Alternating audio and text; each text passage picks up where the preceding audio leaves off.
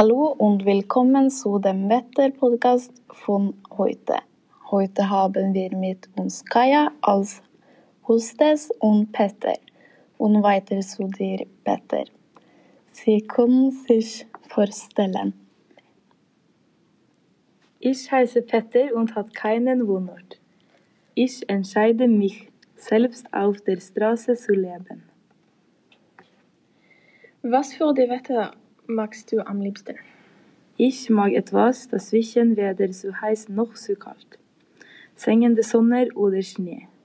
Aber das Wetter bleiben ist immer gut. Wie ist der Sommer her? Regnet es viel oder ist es trocken und warm? Es ist variiert von Jahr zu, zu Jahr. Dieser Sommer war unpraktisch wegen sengender Sonne. Ich habe weder Sonnencreme noch Kleidung und wählen sie aus.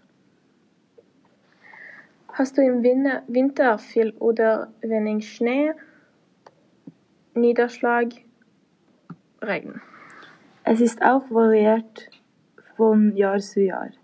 Aber normalerweise muss ich sagen, verbreitet schlimmstenfalls. Wie Schnee und Regen hier in Norwegen.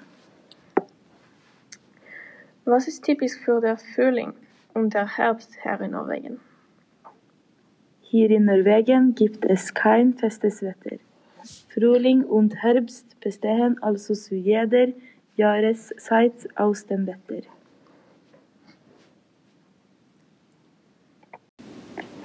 Der heute Podcast ist vorbei und wir werden es Nächste Woche wieder hören.